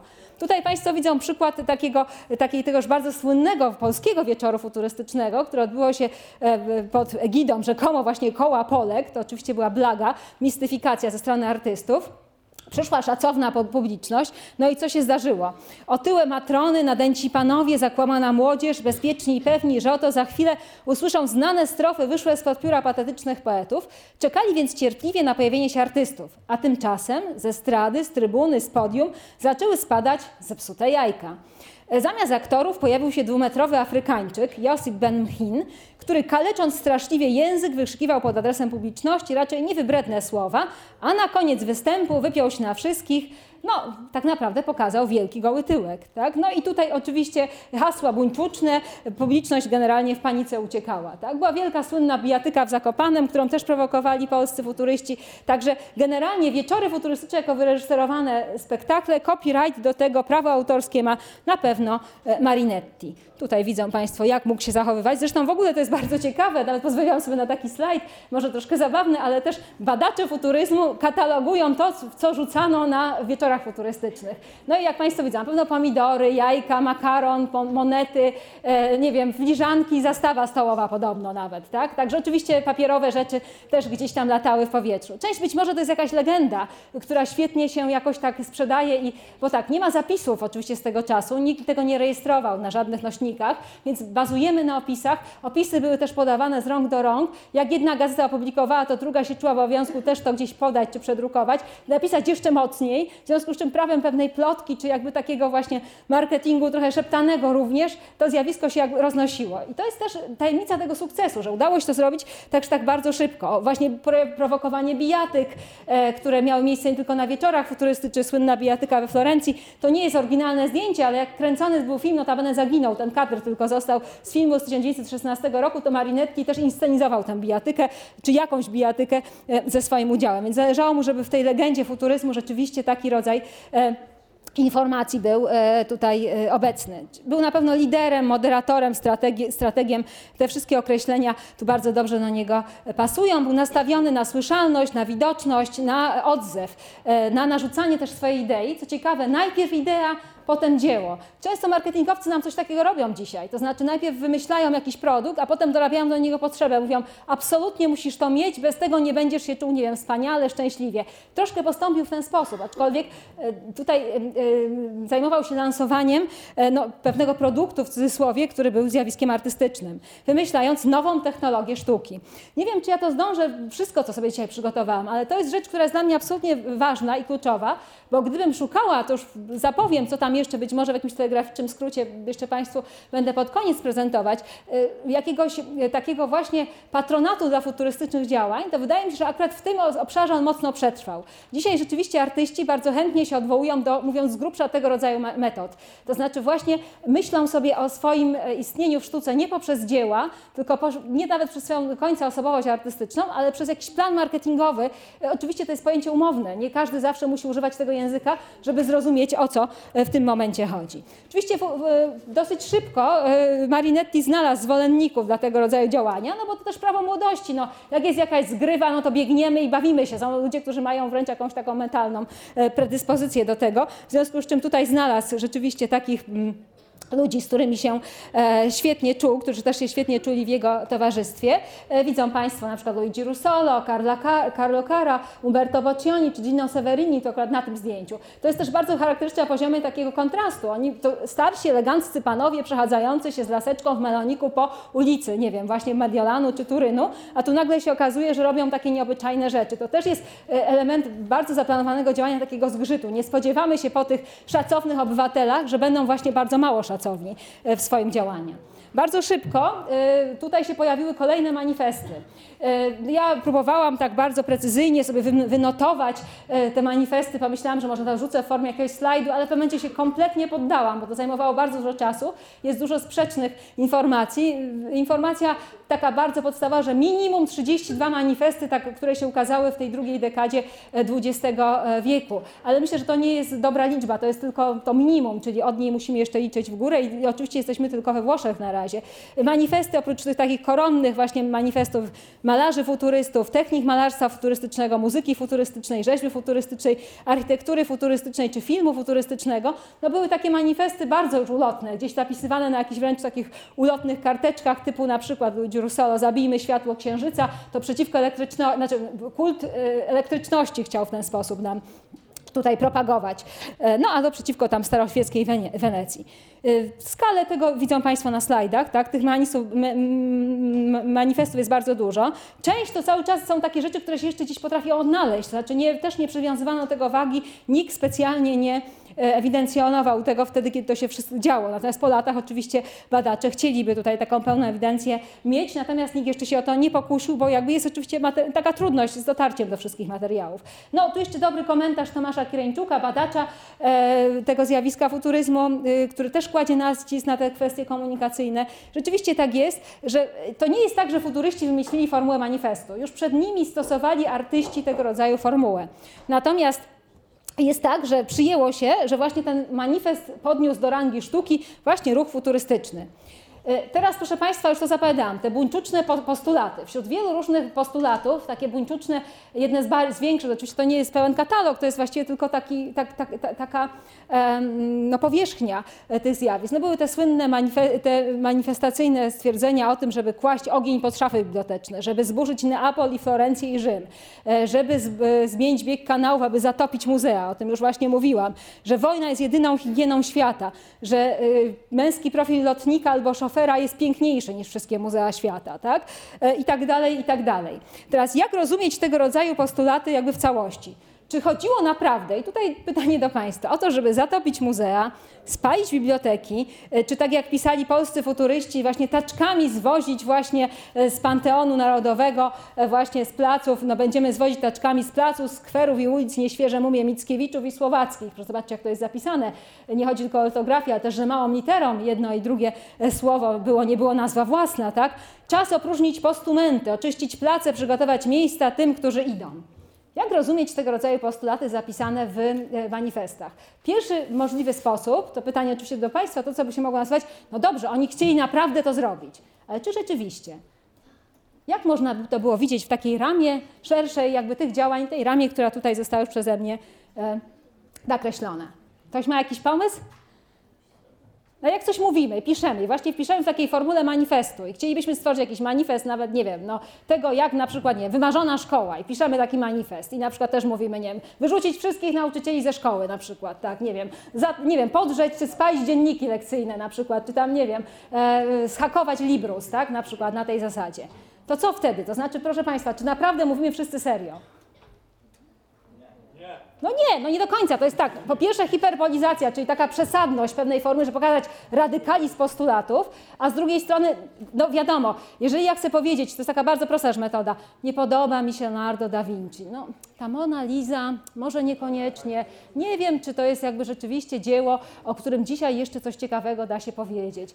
I dalej, jakby w tym samym duchu. Jak ja mówię, spalić muzeum, nie wiem, wyrzucić tą Giocondę, tak? Jak zginęła z Louvru, to Apollinaire, który był trochę łączony, francuski e, poeta, łączony był e, Guillaume Apollinaire z e, futuryzmem, stwierdził, że fantastycznie, że to zginęło. Wreszcie nam nie będziemy w ogóle byli jakoś przytłoczeni tym mrokiem przeszłości i nie ma problemu w ogóle większego, dlatego że prasa wtedy francuska się rozpływała nad tym, ojej, już nigdy nie będziemy tacy sami, jeżeli rzeczywiście do naszej kultury nie wróci to wielkie dzieło, które w tym czasie e, no, jakby zniknęło w tajemniczych okolicznościach z Louvru. Jak wypowiedział tak buńczucznie te swoje słowa, że świetnie, że tak się stało, e, to oczywiście prasa też to podchwyciła, ale po- podchwyciła też prefektura policji, bo bardzo szybko Marinetti, e, nie akurat nie Marinettiego, tylko Apollinera e, też zabrano na posterunek, wręcz oskarżono o, kradzież tej Mony Lizy, więc jakby czytano to dosłownie, to pokazuje, że e, rzeczywiście jakby w czuły punkt tutaj uderzano. Wyostrza się pewne postulaty, po pierwsze być słyszalnym, żeby ten postulat absolutnie nabrał pewnej mocy i żeby siać jakiś ferment. No trudno siać ferment jakimś takim no bardzo spokojnym, wyważonym sądem, opinią. Więc y, proszę wziąć jakąś poprawkę y, odnośnie jakby tego, tej takiej deklaratywności tych postulatów, jeśli chodzi o ich dosłowność. E, Nie wydaje mi się, żeby oni w ogóle no, w pewnym sensie trochę też byli realistami, mocno stąpającymi po ziemi, żeby ta wizja świata, który w ogóle topi wszystko, niszczy i w ogóle jak taki wandal porusza się po kulturze, nie jest właściwa, aczkolwiek cały czas pokutuje, że to są takie dziwolągi w ogóle i postulaty oczywiście nierealizowane. No pewnie nierealizowane dosłownie, ale tu nie chodziło o realizację tych postulatów, tylko o sposób nagłośnienia pewnej idei. Dosłownie jeszcze takiej idei, która do końca nie wie, jaka chce być, tylko wie już, jaka chce nie być. Tak? To tutaj jest też bardzo jakby ciekawe z perspektywy tego rodzaju technik. Tak? Więc y, co ciekawe, jeszcze raz to podkreślam, nie miał żadnego zaplecza w postaci konkretnych materialnych dzieł Marinetti. Więc nie dzieła sztuki, a działanie, a działa wokół sztuki. To słowo działa to tutaj też bardzo pasuje, ta batalistyczna e, metaforyka jak najbardziej, e, czyli działanie wokół sztuki to jest właśnie to, co Marinetti chciał. Rozbijać e, tradycyjne pojęcia i wyobrażenia na temat tego, czym jest dzieło, czym jest zjawisko artystyczne również. E, W tym oczywiście pomagały mu bardzo różne rzeczy związane z tym, że on właściwie zajmował się e, taką radykalną zmianą w ogóle przemianą jakąś taką funkcjonowania e, w świadomości e, ogólnej, czyli tak naprawdę futuryzm miał być stylem życia, modą, e, miał też proponować, czy proponowali fu, futuryści e, projekty mebli, zabawek, kartek pocztowych, grafiki użytkowej, no, działali na poziomie typografii, również typografii e, reklamowej. No i co ciekawe, to jest ciekawostka, o której mogę jeszcze tutaj Państwu chwilkę popowiadać, bo rzeczywiście malownicza, też mieli pomysł na futurystyczne dania, futurystyczne potrawy. E, Chcieli też dokonać pewnego przełamania zwyczajów kulinarnych Włochów, no ale to oczywiście potem się dalej też roznosiło. No, działania w kontekście muzyki, która miała być nie muzyczna, tylko miała być taką muzyką szmerów i hałasów, też długo by o tym mówić. Aha, moda, proszę Państwa. Bardzo szybko wyprodukowano też taki manifest e, mody futurystycznej, zresztą pewnie nie jeden taki powstał, no ten taki bardzo spektakularny, który Państwo widzą na, e, na tym slajdzie. I też widzą Państwo na przykład futurystów, jak się ubierali. Czasami szacowni panowie w meloniku, a czasami jakiś bardzo ciekawy, minimalnie tutaj dekomponujący tą taką szacowność y, akcent. W tym przypadku kolorowa kamizelka. Zresztą y, też cenili bardzo różnego typu kolory. Nie wiem, dwukolorowe skarpetki, jedna inna na jednej nodze, na drugiej też. Inne buty na przykład. E, jakieś takie akcesoria garderobiane typu na przykład właśnie potem słynny but w butonierce być może też nawiązuje do tego rodzaju e, działań. Coś niestandardowego w kontekście jakiegoś akcesorium ubraniowego, na przykład jakaś chusteczka, apaszka, która zakładana na różne sposoby zmienia e, ten wygląd, albo na przykład jakieś świecące się krawaty wykonane z e, plastiku, z drewna, e, z papieru, tak? No więc tutaj mo możliwości właśnie bardzo, bardzo duże, ogromne. Dosyć szybko też zaczęto jakby tutaj walczyć z pewnym stylem życia we Włoszech. Potem do tej idei powrócił Marinetti w 1930 roku, kiedy futuryzm był już taką właściwie trochę przebrzmiałą ideą, ale chciał znowu ożywić nim zainteresowanie i sięgnął po, to taka ciekawostka, ale myślę, że bardzo jakby tutaj znacząca, on założył taką tawernę w Turynie. Ta tawerna nosi nazwę Santo Palato, czyli świętego podniebienia i wymyślił sobie taki lokal futurystyczny, który będzie podawał dania futurystyczne. Część tych dań można było tylko oglądać na pobudzenie apetytu, a część oczywiście można było kosztować, ale tak, na przykład właśnie bez sztućców, jakieś takie plastiko mięsa na przykład podawano na różnych wieczorach futurystycznych z udziałem futurystów, w jakichś galach e, też, w których brali udział, e, więc to wykraczało też poza jakby tę kuchnię. Natomiast jakby tutaj rzeczywiście ciekawostką jest to, że takie mieli różne pomysły na łączenie niestandardowych e, rzeczy, które wydawałoby się są nie do połączenia, czyli jakaś wieprzowina z rumem na przykład, e, albo e, uperfumowane dania, czy kurczak o smaku stalowych kulek na przykład. No nie wiem, jak to chcieli osiągnąć, natomiast w gruncie rzeczy, no i potem szła też informacja, nie aluminiowe serwetki, tak, które się pojawiły, wystrój też cały taki industrialny, też absolutnie aluminiowy, a generalnie jeszcze też podtekst taki w manifestach mocno obecny, walczymy z makaronem i z chlebem.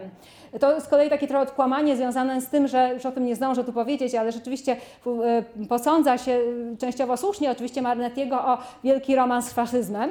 Natomiast akurat tutaj to on bardzo mocno się przeciwstawiał też ideologii faszystowskiej, tej włoskiej ideologii faszystowskiej w sensie propagowania przykład nawyków żywieniowych. Właśnie więc typowe włosko, włoskie potrawy właśnie jak makaron były tutaj trochę nacenzurowane. Oczywiście też przesadnie, bo informacja o tym, że e, coś takiego się próbuje wylansować, też nie miała chyba takiej, znaczy chyba nie łudził się, że przyjdą tutaj e, no, drzwiami, oknami będą tutaj wpadać klienci, będą tutaj przychodzić do takiego lokalu. Niemniej wydaje się, że rzeczywiście tutaj bardzo mocno mu zależało również na oddziaływaniu, żeby pisano o, między innymi już o tym, że jakichś klientów po, roz, po tym, jak rozbolały je brzuchy, zabrano do e, szpitala.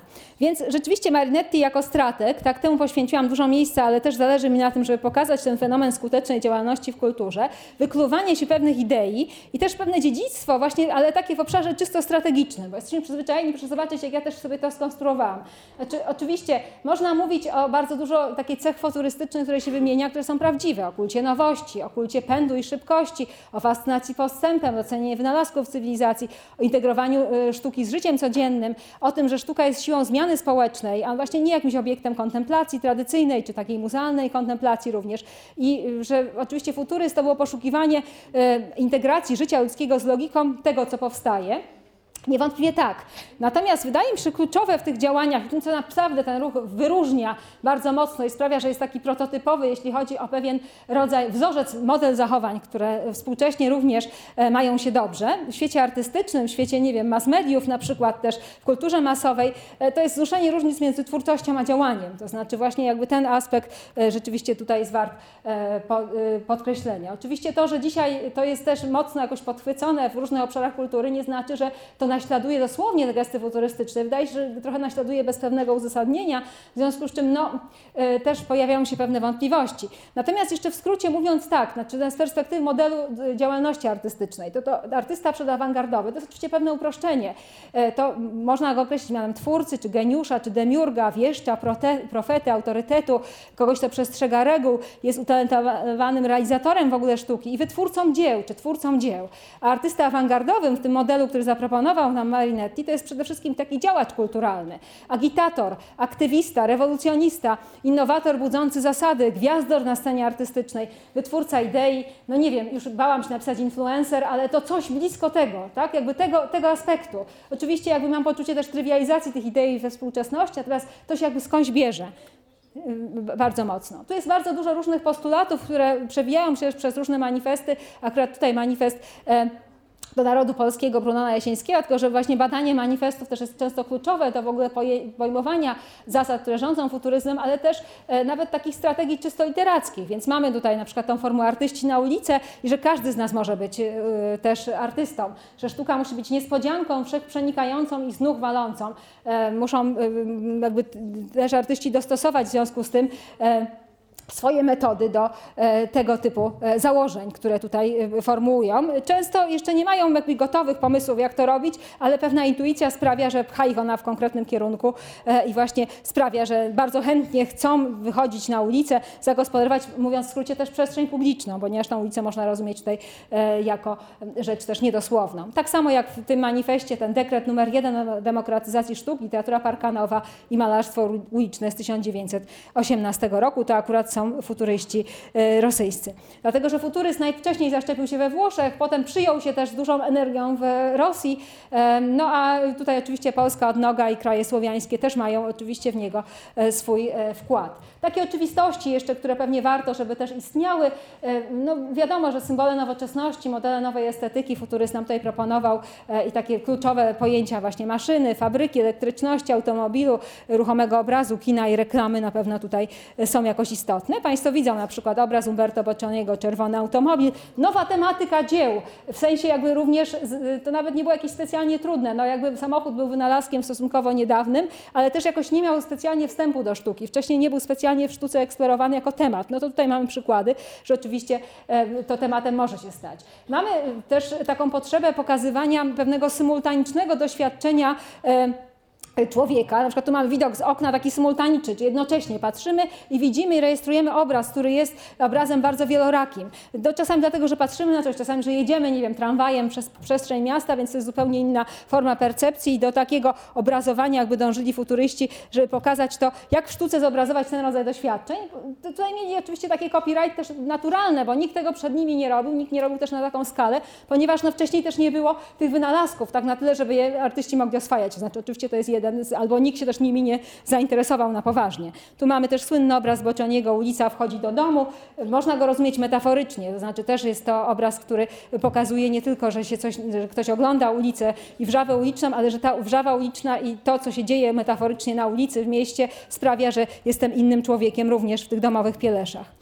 E, Wśród tych nowych technik obrazowania, już wspominałam, no to warto też jeszcze absolutnie przywołać tą koncepcję słów na wolności. Nie będę jej poświęcać wiele miejsca, e, natomiast w wielkim skrócie powiem tylko tyle, że to jest takie przeświadczenie, że te klasyczne słowa na wolności też się rozgrywały typograficznie na e, papierze. Tu mają Państwo taki przykład jednego z bardziej znanych poematów czy właśnie takiego zapisu typograficznego Marinettiego, może o ten slajd dobrze to pokaże, właśnie jak generał Żow wizytuje front samochodem e, właśnie po bitwie mm, pod Marną, E, więc tutaj mamy e, jakby do- dokładnie przykłady rozplanowania takiego typograficznego, które mówiąc w skrócie i tak bardzo często jest traktowany w takim pierwszym kontakcie jako jakiś taki rodzaj, no nie wiem, jakieś, jakieś bazgroły to są po prostu, czy jakieś takie rzeczy związane z tym, że każdy by z nas sobie usiadł i nie wiem, teraz na przykład nudząc się na wykładzie mógłby sobie próbować tam gdzieś szkicować coś, ale nie nudząc, tylko śledząc jakiś tok wykładu, odruchowo sobie coś pisać, mazać e, jakieś takie rzeczy sobie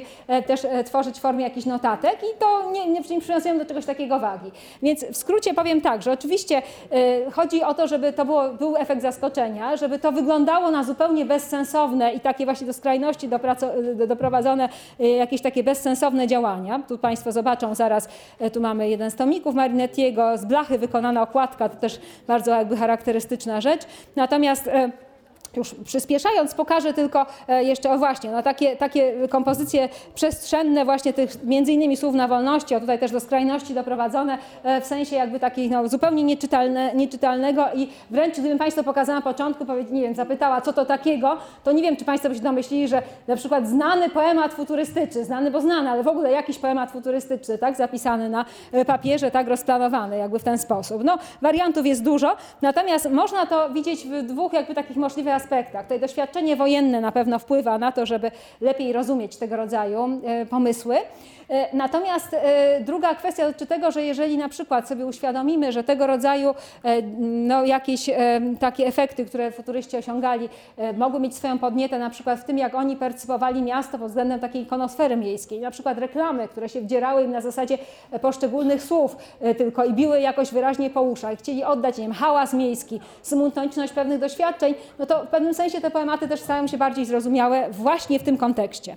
Oczywiście długo by o tym mówić, natomiast tutaj jeszcze też taka podpowiedź. Jak się czyta na przykład wiersze futurystów polskich głośno, to bardzo często one nabierają trochę większego sensu niż tak jak są na przykład na tylko i wyłącznie w e, przestrzeni kartki. Oczywiście w momencie, kiedy są bardzo kompozycjami wizualnymi, również daje tutaj to nam do myślenia. No tu fragment e, poematu Stanisława Młodożeńca, Radioromans, e, w którym są takie jakieś przerywniczki i też dużo jakichś takich nie, nieczytelnych elementów, ale jakby się mocniej zastanowić, proszę Państwa, utwór nosi tu radioromans e, i takie, pojawiają się tego rodzaju znaki w nim i pojawiają się tutaj takie jakieś stwierdzenia, a jakże, jago, holi, ho, omia, lumba, no i tak dalej. I jakiś taki nie do końca czytelny y, komunikat.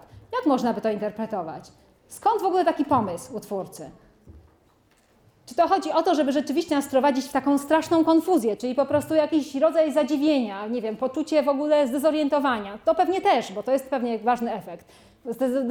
Chodziło o dezorientację, ale też przytrzymywanie uwagi oczywiście odbiorcy. Natomiast jak patrzymy na tego rodzaju utwór, o co może chodzić? Jeżeli znamy tytuł, Radio Romans, hmm? a jak słuchamy radia, to co się dzieje? No są fale radiowe, na przykład są zakłócenia radiowe. I może jeszcze nie wiem, niedoskonałość tego wynalazku powoduje, że niekoniecznie tak, jakby wszystko dobrze słyszymy. No to może to jest forma oddania tego. Jedna z możliwych koncepcji. Inna. Jak jesteśmy na przykład w jakimś pomieszczeniu i gra radio, no to czy też wszystko dobrze słyszymy? Nie z powodu na przykład zakłóceń na e, weterze. Co się jeszcze może zadziać? Jest echo, tak, oczywiście. Są jakieś dźwięki z zewnątrz, otwieramy okno, to już jakieś zakłócenie. Oczywiście, coś dolatuje, czegoś nie słyszymy. Dlaczego czegoś też nie słyszymy, jak gra radio? Z czym to się wiąże? Jak jest głośno dookoła, to jest jedno, oczywiście, już mamy kolejną jakby tutaj rzecz, do, y, taką, która może tłumaczyć tego rodzaju zapis. Co jeszcze? No właśnie, bo my się wyłączamy, bo czasami fizycznie, dlatego że oddalamy się od miejsca, z którego są te e, fale radiowe, tak? bo biegamy po mieszkaniu na przykład, tak? a radio sobie gra w jednym pomieszczeniu, a my się oddalamy, ale tak jak Pani powiedziała, my się wyłączamy psychicznie, bo myślimy sobie o czymś innym, bo to medium nie wymaga od nas takiego zaangażowania, żeby cały czas myśleć o tym, co akurat jest e, tutaj em, emitowane. W związku z czym to jest tylko jeden z możliwych przykładów, ale pokazujących, że da się znaleźć uzasadnienie całkiem racjonalne dla tego na przykład rodzaju zapisu i dla potrzeby jakby oddania tego, i to rzeczywiście tutaj tutaj można powiedzieć o wielkim e, takim no, dorobku wręcz futuryzmu, że próbował oswajać pewne zjawiska cywilizacyjne, których wcześniej w sztuce oswajać e, no, ni- nikt nie próbował. No, z też oczywistych trochę powodów, o czym już też e, mówiłam. Dobrze, to ja tutaj to e, przerzucę. Nie, nie chcę też Państwu jakoś mocno przedłużać sprawy, ale mam jeszcze chwilkę. Pozwolę sobie, właściwie tak, po- podsumuję to jeszcze może w ten sposób, te wątki dotyczące futuryzmu i ponieważ miało być jeszcze o dziedzictwie, więc to dziedzictwo na ostatnie 10 minut, e, tyle ile starczy czasu, w takim telegraficznym skrócie, ale też może zaszczepić Państwu jakby myślenie o tym, Tutaj jeszcze przykład też innego utworu, jeszcze wracając do wątku, o którym była mowa. Bruno Jasiński Morze, tak? Znaczy morze wygląda w ten sposób i próbujemy oddać to morze również zapisem e, utworów, fale morskie, e, takie tworzenie kaligramów na przykład, czyli utworów, które naśladowały też e, wizualnie konkretne, nie wiem, przedmioty czy jakby zjawiska, też są, to też jest specyfika tego momentu jakby w sztuce. W każdym razie nastawienie na innowacje i można by podsumować te wątki, o których do tej pory mówiłam, takim stwierdzeniem, które może być też dobrym wstępem do tego, co tutaj już e, na koniec jeszcze chciałam króciutko e, pokazać. Otóż z pewnością nie jest tak, że futuryzm zasługuje na to, żeby traktować go jako taką skamielinę. E, Wydaje się, że tam jest jeszcze mnóstwo rzeczy do odkrycia i to najzupełniej dosłownie, jakby w tej materialności e, działań futurystycznych, w tych odkryciach związanych nawet z takimi elementami bardzo podstawowymi, nawet nie wiem, do, dosłownie z tym, żeby ustalić precyzyjnie, w co rzucano e, na wieczorach futurystycznych, w kogo rzucano precyzyjnie i czym, też jakby tkwią często bardzo duże klucze do sukcesu, żeby lepiej e, z tym zjawiskiem się jakoś obchodzić. Tutaj wybór jeszcze, w, w skrócie, e, no, bo, bo właściwie tak pierwotnie mój pomysł na wykład był taki, żeby pokazać współczesne nawiązania do futuryzmu. Ale te nawiązania współczesne do futuryzmu to też taki materiał dla powiedzmy osób, które już trochę coś o futuryzmie wiedzą, w związku z czym no, skupiłam się na tej kwestii czysto komunikacyjnej. Natomiast można powiedzieć tak, że tych nawiązań dzisiaj całkiem niemało. E, Są one w sferze deklaracji. Jest dużo twórców, którzy mówią, że dla nich futuryzm był na przykład odkryciem. Z przyjemnością czytali e, jakieś teksty futurystyczne albo wracali jakby do tego typu zjawiska. E, Futuryzm to jest również, te nawiązania się skupiałam na przetwarzaniu motywów i stylistyk i to jest również takie powinowactwo technik i terenów e, aktywacji. I teraz już króciutko na zasadzie jakby takiego zupełnego przeglądu. No, deklaratywnie w modzie chociażby. Są twórcy na wybiegach, którzy mówią, inspirujemy się modą futurystyczną e, i tym, co na przykład Giacomo Balla w swoim manifestie nam miał do zaproponowania. Meble futurystyczne, tu Państwo widzą do tej pory tak, informacje e, tego rodzaju. Twórczość internetowa, taka związana z tak zwaną cyberpoezją. Oni też chętnie mówią o sobie, jesteśmy neofuturystami. Manifesty, które gdzieś tworzą, koncerty, które wykonują różnego typu grupy, też pod szyldem e, futurystycznym. Albo jakieś takie show, które robią, robi wielu artystów. Tutaj Paweł Koniokonak, e, który wydając książkę Artyści, Wariaci Anarchiści, bardzo mocno jakby też pokazywał e, te inspiracje. Znają go Państwo pewnie jakiegoś takiego showmana z obszaru kultury masowej, a on był te, artystą, twórcą, który w latach 80. działał w takiej grupie Totart i rzeczywiście ta grupa, jak się widzi po zdjęciach, można powiedzieć, też nawiązywała do technik działania, na przykład tej techniki zagospodarowania przestrzeni miejskiej. Wydawanie różnych ulotek, manifestów, to też jest współczesna e, przestrzeń artystyczna. Przelatujemy. E, takie jeszcze rzeczy, które od jakiegoś już dłuższego czasu się też dokonują, jakaś taka rewitalizacja na przykład materialnych śladów futuryzmu, jak ta zabawa tym zdjęciem, e, które Mario Schifano nam zaproponował, tak, próbując rewitalizować właśnie jakby futuryzm przez jakby przeróbkę jak, jakiegoś takiego elementu z futuryzmem bardzo mocno się kojarzącego. Takich przykładów jest dużo. Tu pop artowy artysta Roy Lichtenstein, który zrobił właśnie takiego czerwonego jeźdźca. Oryginalny obraz e, Państwo widzą. E, Czy Muzeum Bilbao Franca Gerego, jak Państwo na wakacjach w Hiszpanii, bardzo polecam, e, jest inspirowane rzeźbą Umberta Bo- Bocianiego. E, W Polsce na przykład, to jeden jeszcze taki przykład tu podam i zmierzam już do finału, mamy y, tomik Jerzego Jankowskiego, Triumf po ulicy, wydany w 1920, tam on się ukazał w 1919 roku. Teraz Darek Fox, współczesny poeta, wydał tomik Ludzie Kultury w 2019 roku jako żywo, i tutaj zresztą nie ukrywam tego patronatu, nawet ten patronat jest taki bardzo materialny, inspirowany jakby właśnie okładką. E, Bardzo ciekawe działanie, na przykład takie związane w Mediolanie z ożywianiem obrazu futurystycznym. W 2009 roku wykonane jest taki słynny obraz Umberto Boccioniego, Szał w galerii, e, który próbowano właśnie ożywić, tak jak Państwo widzą, czyli ludzie się zebrali i zadziałali w przestrzeni na wzór jakby właśnie tego obrazu. Potraktowali go jako taką partyturę, e, konkretny scenariusz. Animacje, które się robi z poematami futurystycznymi. Tutaj albo się jakoś je też, nie wiem, nimi inspirują twórcy, pisząc samorzutnie jakieś poematy neofuturystyczne.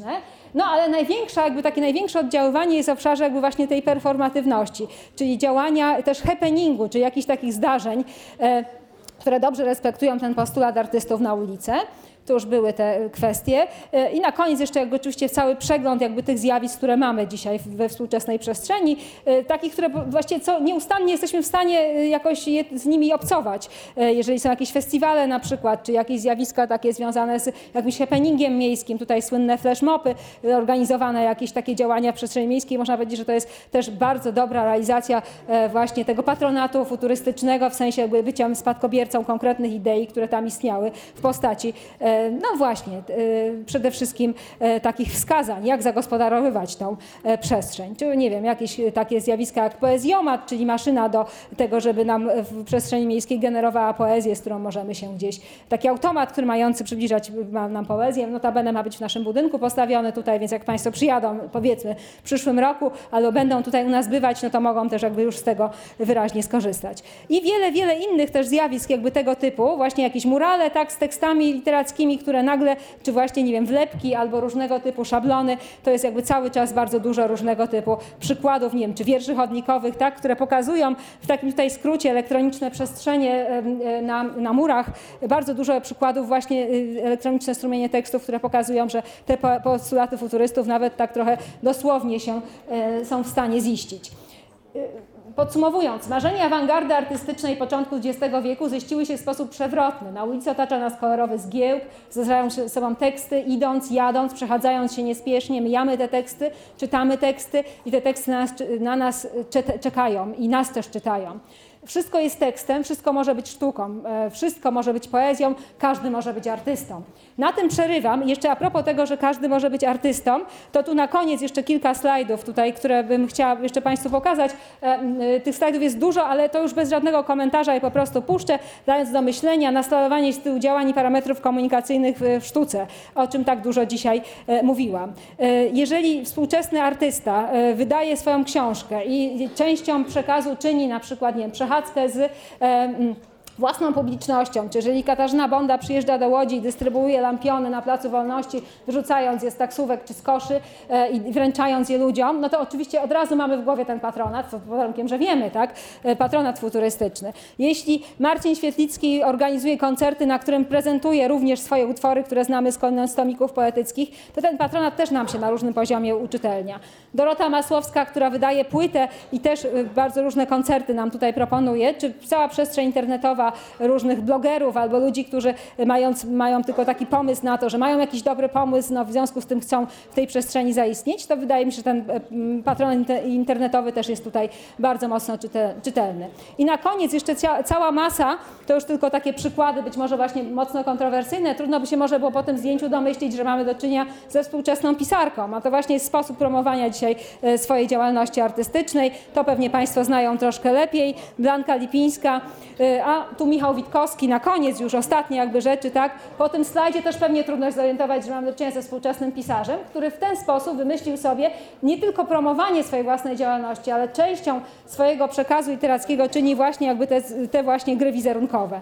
E, No twórca, który trochę fermentu tutaj nam współcześnie narobił, właśnie między innymi pozowaniem na ściankach, tak? I wychodzeniem czy pokazywaniem się w takim anturażu, albo robieniem sobie jakichś nagich sesji. Ja to pokazuję właśnie, żeby pokazać też Państwu, iż e, nie do końca e, te idee gdzieś tam są przebrzmiałe. Oczywiście mam poczucie, że to jest trochę w innym momencie kulturowym, w związku z czym też mamy inne narzędzia, żeby to oceniać. Natomiast wydaje mi się, że te przykłady, takie nawet mocno popkulturowe, dokładnie pokazują, że to dziedzictwo, przynajmniej w sferze komunikacyjnej, ma się dobrze, bardzo dobrze, żeby nie powiedzieć, że wręcz świetnie. E, No i może na tym wątku już mm, zakończę, tak jakby tutaj żegnając się z Państwa, dziękuję bardzo.